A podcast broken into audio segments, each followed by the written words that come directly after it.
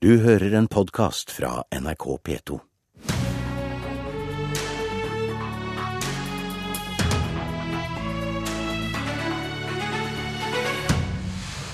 Parisavtalen blir kalla et vendepunkt for verdens klimaarbeid, men blir den også et vendepunkt for norsk oljeproduksjon?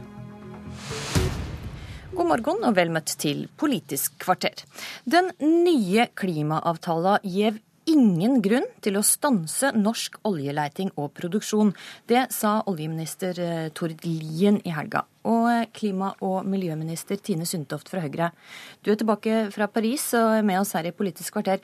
Er du enig med oljeministeren? Kan norsk oljeproduksjon fortsette akkurat som før? Kan ikke fortsette akkurat som før. Parisavtalen blir et eh, vendepunkt for all politikk. Det Tord Lien også sa, er at de mest CO2-intensive eh, feltene blir ikke lønnsomme. Det kommer til å være helt andre lønnsomhetsberegninger av olje- og gassproduksjon fremover, som følge av Parisavtalen. Mm. Men, men det, dette er sånn typisk det som skjer, at ting blir dratt i sånn ekstreme vendinger fra å si at det nesten skal slutte med olje og gass over natta, til at vi skal fortsette som før. Jeg tror sannheten ligger et sted midt imellom. Det kommer til å bli endring som følge av Parisavtalen. Rett og slett for at markedet kommer også til å reagere annerledes. At når verden går mot fornybar energi, det er definitivt. Så Tord Lien, har altså trukket det litt langt. Han ja. tar feil når han sier at dette får ingen konsekvenser for norsk oljeproduksjon. Det jeg prøvde å si, at du tok første del av sitatet fra Tord Lien, og du tok ikke det andre. For dette henger sammen. Det vil få konsekvenser.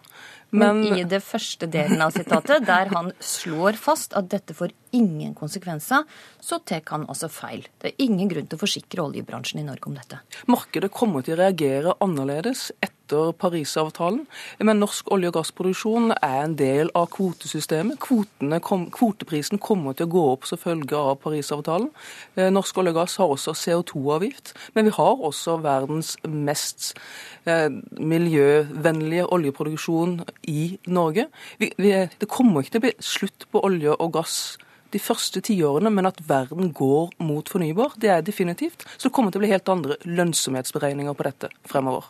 Trine Skei Grande, leder i Venstre. Hvem bør folk høre på? Oljeministeren eller klimaministeren? De bør vel høre på klimaministeren som har signert en avtale på vegne av hele regjeringa. Eh, og dette er litt sånn eh, Fremskrittspartiet holder på med med dobbeltkommunisering. Eh, det at man signerer en avtale som er ekstremt ambisiøs. Og det er ikke bare at man presses til å signere en avtale, man har faktisk vært pådriver for det. Så klimaministeren skal ha masse skryt for å ha vært aktiv for å få en så ambisiøs klimaavtale på plass. Og det er kjempebra. Men, og da er jeg opptatt av at nå må vi slutte å lure folk må slutte å lure dem som skal investere i norsk næringsliv. Må slutte å lure norsk oljeindustri og si at det ikke blir endringer. For det kommer til å bli store endringer fremover. Hvor fort det går, det avhenger litt av hvor gode vi blir til å lage nye arbeidsplasser og skape nye grønne næringer. Mm. Men, man, men jeg, jeg, er lei meg for at vi har en oljeminister som prøver da å lure næringa til å tro at dette er en sikker investering fremover. For det er det ikke, for dette er fortidas energier. Tine Sundtoft, har du lyst til å forsvare oljeministeren din? Ja, jeg har forsvart det med å si at han sa også at de mest CO2-intensive kommer ikke til å bli lønnsomme. Vi må se Trine Skei Grande sitter her og sier at han lurer folk, og at han dobbeltkommuniserer. Jeg tror at uh, olje- og gasselskapene er fullt ut selv i stand til å gjøre sine lønnsomhetsberegninger. De kommer til å være annerledes nå etter Parisavtalen. Vi kommer til å se at verden kommer til å investere mer i fornybar energi, men at norsk gass er en viktig eh, i overgangen fra å fase ut kull eh, det er også en del av dette virkelighetsbildet. Men det er her det blir liksom litt dumt når debattene blir dratt for langt i begge retninger. Trine Skei Grande, du mener at klimaavtalen i Paris må få konsekvenser for bl.a. Lofoten? Ja, det er soleklart. Vi bør ikke bygge ut noen nye felter. Og vi ser jo det at det skjer også rundt omkring i verden. Det er Helt nord i Alaska og sånn, så stopper man nå. For det er de feltene som ikke kommer til å bli lønnsomme framover, først. Hva bør da, staten da gjøre med de tilskuddsordningene som man har til oljebransjen i dag? Jo, vi har jo i dag et system der f.eks. leteboring betales så å si rett av oljefondet vårt. Så hvis du bor i en brønn for å se om du finner olje, så er det egentlig oljefondet vårt eller vårt felles pensjonsfond som betaler det. Og det må vi, det må vi finne ordninger der vi slutter med. Fordi at nå, nå har vi noe, Det fører til investeringer på de feil områdene. Så jeg tenkte Hvis jeg hadde hatt en milliard som jeg skulle investere i norsk næringsliv, så hadde ikke jeg villet gjort det på å finne på bord letebrønner i områder der vi aldri tror at den leteboringa kommer til å føre til lønnsom oljedrift. Da må vi investere i andre deler av norsk næringsliv, andre energiformer og de grønne næringene som vi skal leve av framover. Mm. Så, og det så er jo sikkert Tine Sundtoft eh, enig i, men er du også enig enig i at vi ikke må drive leiteboring i nye felt i nord nå?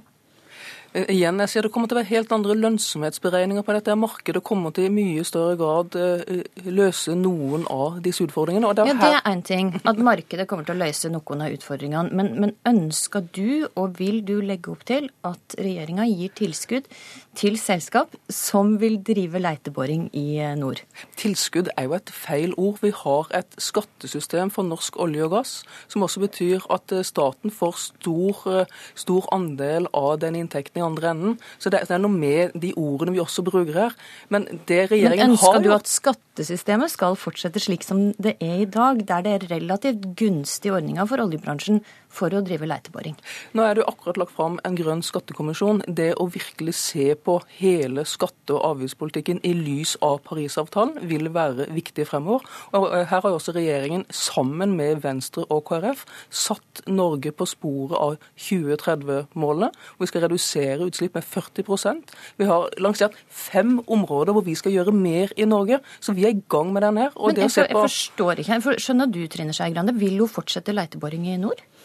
Det jeg skjønner, det er at regjeringa har skjønt at de må ha flertall for sine budsjetter framover. Og skal, det, skal, de klare det, så må de ha et grønt skatteskifte. Og dette kommer til å være en del av hele den måten vi ser skatteskiftet på. Skjønner jeg at klimaministeren ikke har myndighet til å, til å gå inn på hele det grønne skatteskiftet, men det å bruke skatt, mindre skatt på jobb, gjøre det mer lønnsomt å jobbe mer og mer skatt på utslipp, tror jeg er framtida sin løsning. Og det er tungt å bære. Det har vært tungt for noen partier at vi f.eks. nå lager en miljøavgift på fly. Men det er sånn vi må tenke fremover. Gi folk skattelette på, over, over, eh, arbeidsskatten de har, og så skattlegge den miljøfiendtlige atferden. Det er sånn vi får til de store skiftene framover. Og det har vel regjeringa skjønt at de må være med på, skal de klare å få flertall for budsjettene sine. Det trenger ikke bli lette diskusjoner fremover, dette, Tine Sundtoft? Eh, jeg tror eh, alle diskusjoner fremover kommer til å bli preget av hva vi var med på å hale i land i Paris på lørdag. Norge har vært en pådriver. Vi har satt sentralt i forhandlingene med å få en ambisiøs Parisavtale fordi vi mener alvor. Derfor har vi også sagt eh, at vi må omstille Norge. Vi har sagt vi skal redusere utslipp i industrien, grønn skipsfart, mer fornybar energi, eh, karbonfangst og -lagring og et kraftig kutt i utslipp innenfor transport. Den omstillingen er vi i gang med, i nært samarbeid med Venstre og KrF. Tine og Trine Sundtoft og Skei Grande, takk for at det kom til Politisk kvarter.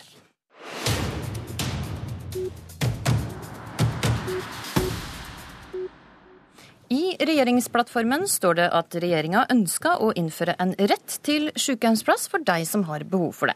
Nå er forslaget ute på høring, og der får det gjennomgå. Departementet sitt eget fagdirektorat, Helsedirektoratet, bruker ord som unødvendig byråkrati. Det vil være uten rettslig betydning for den enkelte, og i praksis svekke svekke den enkelte sin rett. Kommunene sin organisasjon, KS, sier dette først og fremst vil føre til at en bruker mer ressurser på saksbehandling framfor pleie og omsorg. Og, og slik kunne jeg fortsatt. Helseminister Bent Høie fra Høyre, vil du fremdeles innføre en rett til alle til sykehusplass? Ja, dette er en, eh, ikke bare en del av samarbeidsavtalen mellom, eh, mellom eller regjeringsplattformen, dette er også en del av samarbeidsavtalen med KrF og, og Venstre. Og alle disse fire partiene ønsker å styrke rettighetene til de som har behov for uh, sykehjemsplasser, heldøgns pleie og omsorg. Så er det noen av høringsinnspillene som uh, vi kan se på for å forbedre det vi har foreslått. Men de som går imot uh, ideen om å styrke rettigheten til de som har behov for sykehjemsplass, de vil ikke bli hørt. Og Helsedirektoratet, f.eks. i sin høringsuttalelse, når de sier at dette Eh, i realiteten er et forsterket virkemiddel etter deres syn, så er jeg uenig i det. Eh, nettopp fordi at eh, vi har behov for dette og for å få fart i kommunenes planlegging og utbygging av flere sykehjemsplasser. Vi har nå brukt gulroten. Eh, kommunen får nå dekka halvparten av investeringskostnaden hvis de bygger sykehjemsplasser. Det har gitt eh, gode resultater, men vi må få ytterligere opp farten. og Da må vi òg eh, styrke rettigheten til de som har behov for sykehjemsplass. Torgeir Micaelsen, helsepolitisk talsperson i Arbeiderpartiet. Det er skeptiske til regjeringa sitt forslag. Hva mener du Høie bør gjøre? Ja, altså Vi har jo vært eh, avventende skeptiske. Jeg har ikke brukt storslegga mot dette. Det er det jo helt eh, andre aktører som nå NRK viser har gjort. Og når Høie da påpeker og tolker Helsedirektoratet, altså hans eget fagdirektorats høringsuttalelse på den måten han gjør, så er det litt sånn som Frp tolker eh, klimavitenskapen. altså Da hører du bare det du vil høre. Dette er total slakt, og grunnen til at det er slakt, det er at, som Høie selv skriver i sitt eget høringsforslag, dette vil ikke gi noen økte rettigheter. Dette vil ikke være rettslig bindende. Eh, og det kan føre til forvirring og økt byråkrati. Og det tenker jeg at det det handler om da, er at eh, vi har allerede gode rettigheter på papiret for eh, pleietrengende i Norge. Problemet er at det ikke er nok virkemidler både på sykehjem, omsorgsboliger, hjemmetjenester, flere kompetente ansatte, som er hovedproblemet i norsk eldreomsorg. Og da hjelper det ikke å innføre nye papirtigre. Fordi Høie, de står jo i ditt eget eh, høringsforslag at eh, dette vil ikke eh, bidra til noen økte rettigheter. Vil dette bli en papirrettighet og føre til en byrå, unødvendig byråkratisering? Nei. For det første så er det sånn at Så Helsedirektoratet tar feil, rett og slett? Ja, på noen områder tar Helsedirektoratet her feil. For det første så er det sånn at at uh, vi gjør òg uh, de andre tingene som er nødvendige. For jeg er helt enig, det hjelper ikke å ha rett til sykehjemsplass hvis det ikke er en sykehjemsplass. Det er jo grunnen til at vi har forbedra tilskuddsordningen for kommunen så tydelig som gjør at vi nå inngår, inngår et samarbeid med KS for å sikre at det blir eh, mer fart i planlegging og utbygging av sykehjemsplasser, og at vi styrker òg eh, kvalitet, kompetanse og ledelse på det området. Men vi mener òg at eh, de eldre og de pårørende som har behov for en sykehjemsplass, har, bedre, har, behov for en bedre rettstilstand enn i dag. Og det er helt riktig. Men det blir jo ikke bedre, hevda ditt eget fagdirektorat. Det er helt riktig, fordi denne lovforslaget har ulike elementer. Det første gjelder en presisering av dagens rett. Og Det er jeg helt enig i. Det innebærer ikke en styrking av rettighetene. Men det at vi òg eh, stiller krav om at eh, kommunene i første omgang må lage forskrifter som beskriver hvem som har behov for å få vedtak om sykehjemsplass, og i neste omgang skal innføre en statlig, statlige normer for dette.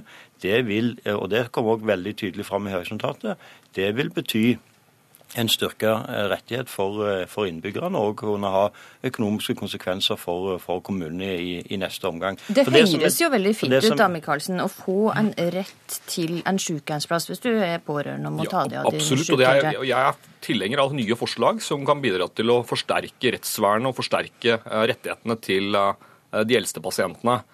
Men poenget er jo at hans eget fagdirektorat er jo én ting. KS sier det samme. Legeforeningen, en rekke av hans egne lokalpolitikere ute i kommunestyrene sier jo akkurat det samme, at dette kan bidra til forvirring. At det i verste fall gjør ting verre. Og Da tenker jeg at da bør du tenke deg nøye om. Og så hører jeg en del av denne nytalen som regjeringen holder på med rundt eldreomsorgen. Vi har åtte års erfaring med at f.eks. det Høie peker på at eh, at det nå øker byggingen av heldøgns bemannede omsorgsboliger eller sykehjemsplasser ikke er det samme som at de faktisk blir bygd. Så jeg er opptatt av nå nå må vi komme et steg videre i denne debatten. Ikke snakke om sånne markedsføringsjippoer som regjeringen foreslo her egentlig i realiteten. Midt i valgkampen kom dette forslaget. Nå har vi fasiten, og det er ikke veldig pent. Ja, så dette er ikke noe nytt. Eh, alle, de aller fleste av pasientrettighetene er innført i Norge. Det er motstand fra Nei, systemet må du, må du, og fra Arbeiderpartiet. Eh, det har vi sett eh, gang på gang, og det er de samme argumentene som brukes. Eh, men eh, når eh, rettigheten innføres, så ser vi at det har betydning. Og det at f.eks. at vi i dag er i en situasjon der det er umulig å vite hvor mange reelt sett som venter på sykehjemsplass, det bidrar jo til at kommunene ikke har det presset på seg som de skulle hatt. Lokalpolitikerne vet ikke hvor mange som venter på sykehjemsplass. I realiteten så er det mange lokalpolitikere som går rundt og tror at deres kommune har full sykehjemsdekning fordi at uh, han ikke fører, fører, fører ventelister. Det gjør jo at du nettopp ikke får det trykket som det er behov for. Mange eldre òg opplever at uh, siden dagens rettighet er bare begrenset til de som absolutt må ha sykehjemsplass, som ikke kan få et forsvarlig tilbud av en plass, eh, så er det jo mange, både eldre og deres pårørende, som opplever at kommunen ikke ser dem, at de får vedtak om eh, hjemmebaserte tjenester istedenfor sykehjemsplass. Og det skaper usikkerhet, det skaper uro. Og denne modellen den er, ikke, den er, ikke, teoretisk, den eksisterer i Stavanger i dag med veldig gode resultater. Bent Høie, der må jeg dessverre avslutte. Takk for at du kom til Politisk kvarter. Takk også til det, Torgeir Micaelsen. Denne sendinga går mot slutten. I studio i dag tidlig var Astrid Randen. Du har hørt en podkast fra NRK P2.